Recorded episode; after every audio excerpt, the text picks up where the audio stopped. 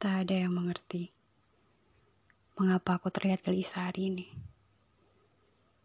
Mereka mengharapkan aku bahagia dan ceria, bukannya malah resah dan gugup.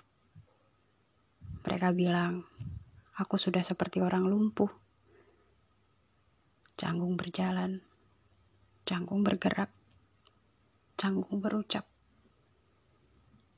Terkadang orang lupa kebahagiaan yang terlampau memuncak akhirnya bisa melumpuhkan. Dua tahun ku nanti sore ini. Satu petang tanpa perlu diantar mobil dinas, yang kemudian disopiri sopir dinas, tanpa diteleponi teman-teman dinas, untuk kemudian kami makan malam dengan uang dinas, tanpa perlu membawa berkas-berkas dinas. Ke tempat tidur dan lelap bersama urusan dinas hingga pagi. Semuanya serba dinas. Sore ini aku akan naik taksi. Aku akan ke bandara, menghabiskan malam di angkasa. Dan besok sore, aku bahkan bulu kuduku meremang saat kata itu terlintas di kepala.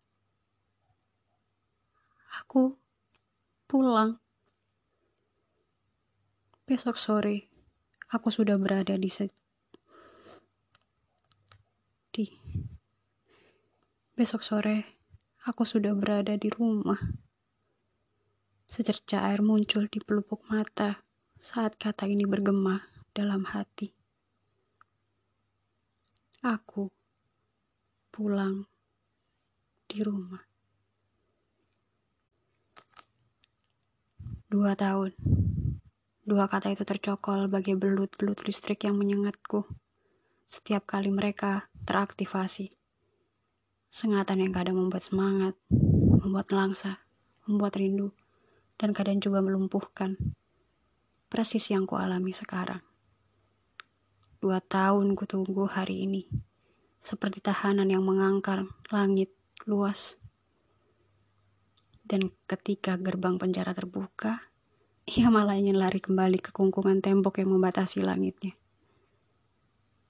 Cakrawala tak terbatas, tanpa pembiasan, bisa melebih mengerikan ketimbang sepetak langit yang dijatahkan setiap hari lewat rutinitas.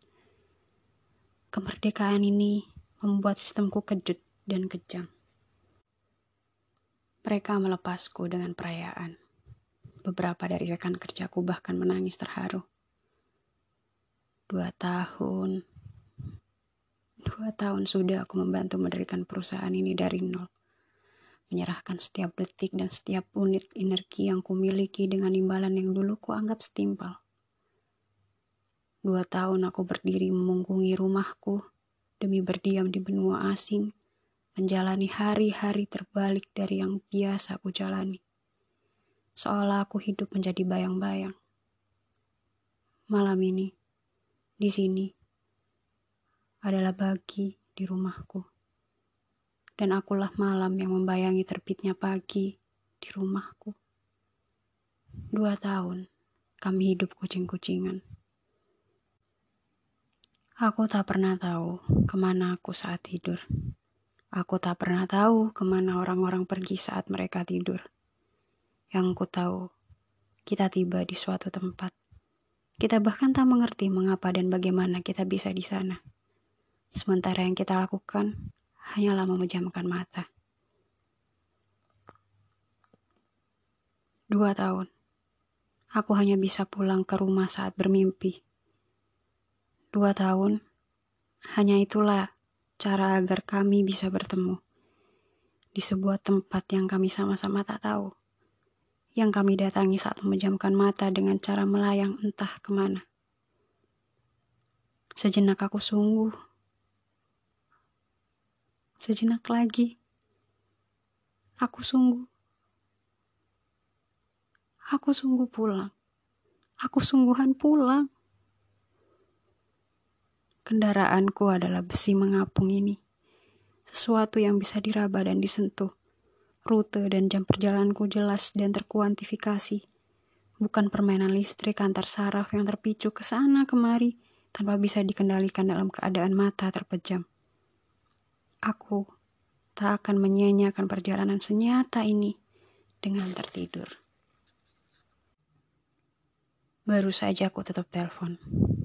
Mereka baru saja tahu bahwa aku telah mendarat. Dengan semangat mereka menawarkan untuk menjemput. Plus mencak-mencak karena aku merahasiakan jam kedatanganku. Kutolak tawaran. Mereka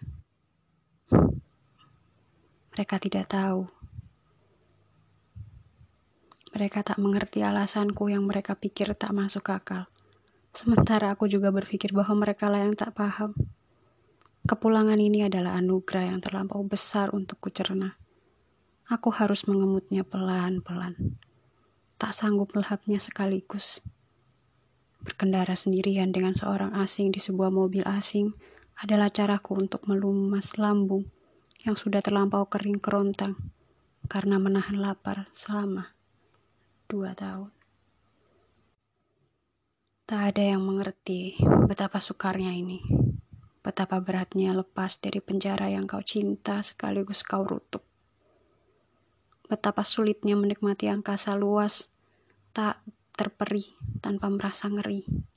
Setelah sekian lama engkau tersekap dalam kotak sabun, di mana engkau terantuk setiap kali bergerak.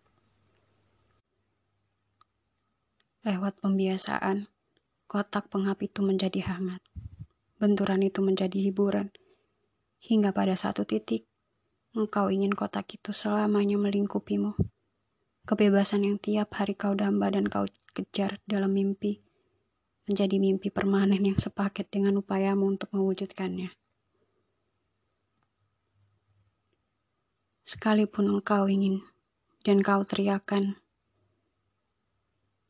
pada semua orang, pada saat kotak itu terbuka, engkau malah gelagapan. Menggapai-gapai udara kosong demi mencari kungkungan itu lagi. Engkau lebih rindu terantuk dan terbentur-bentur ketimbang bertemu kehampaan yang dulu kau interpretasikan sebagai kebebasan. Tapi tak seorang pun pernah memberitahunya kepadaku. Baru sehari sebelum hari pembebasan tiba, aku menyadari apa yang terjadi.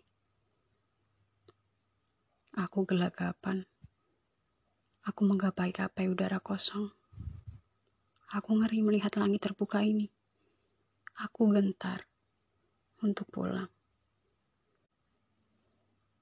Ku pegang anak kunci itu dengan jari yang sedikit gemetar. Mudah-mudahan kunci rumah ini masih sama. Ternyata masih. Pintu pun membuka. Gelap. Semua terlelap. Kuletakkan semua barangku di ruang tamu. Malam akan berakhir beberapa jam lagi. Aku tak boleh buang waktu.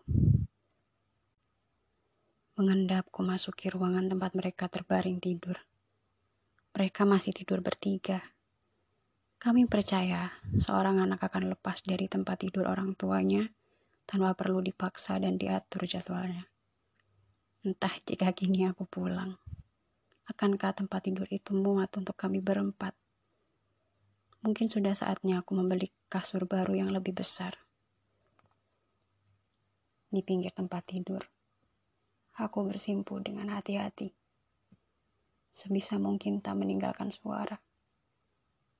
Kupandangi mereka satu demi satu, tanpa berani menyentuh. Lengan suamiku membentang menjadi alas bagi kepala anak perempuan kami yang meringkuh di sampingnya. Seminggu yang lalu, Putri Mungil ini merayakan ulang tahunnya yang ketiga. Di ujung sana, anak lelaki, kami tertidur dengan posisi melintang. Sejak bayi hingga usianya yang kini menginjak lima tahun, tidurnya tak pernah bisa diam. Maafkan aku ucapku dalam hati. Aku harus mencerna kebahagiaan sederhana ini perlahan-lahan. Sekalipun ku ingin meloncat dan mendekap kalian erat. Malam ini harus kucukupkan dengan hanya menatapi dan menjaga tidur kalian agar tetap lelap. Semoga kalian mengerti itu. wahai keluarga aku sayang. Izinkan aku mengawalinya dengan benar, ucapku lagi dalam hati. Akan lebih mudah bagiku untuk menemui kalian dalam keadaan seperti ini. Terlalu lama kita hidup menjadi bayang-bayang bagi satu sama lain. Biarkan aku mendekati kalian dengan perlahan sampai pagi terbit bagi kita bersama. Tak ada lagi bayangan. Kita lebur dalam kenyataan. Tidurlah yang tenang, bisikku tanpa suara. Aku akan ada saat mata kalian terbuka. Selalu ada. Esok, lusa, dan seterusnya. Sudah cukup lama aku tertidur memejamkan mata demi melewatkan mimpi demi mimpi bersama kalian. Sekarang, biarkan aku yang terjaga.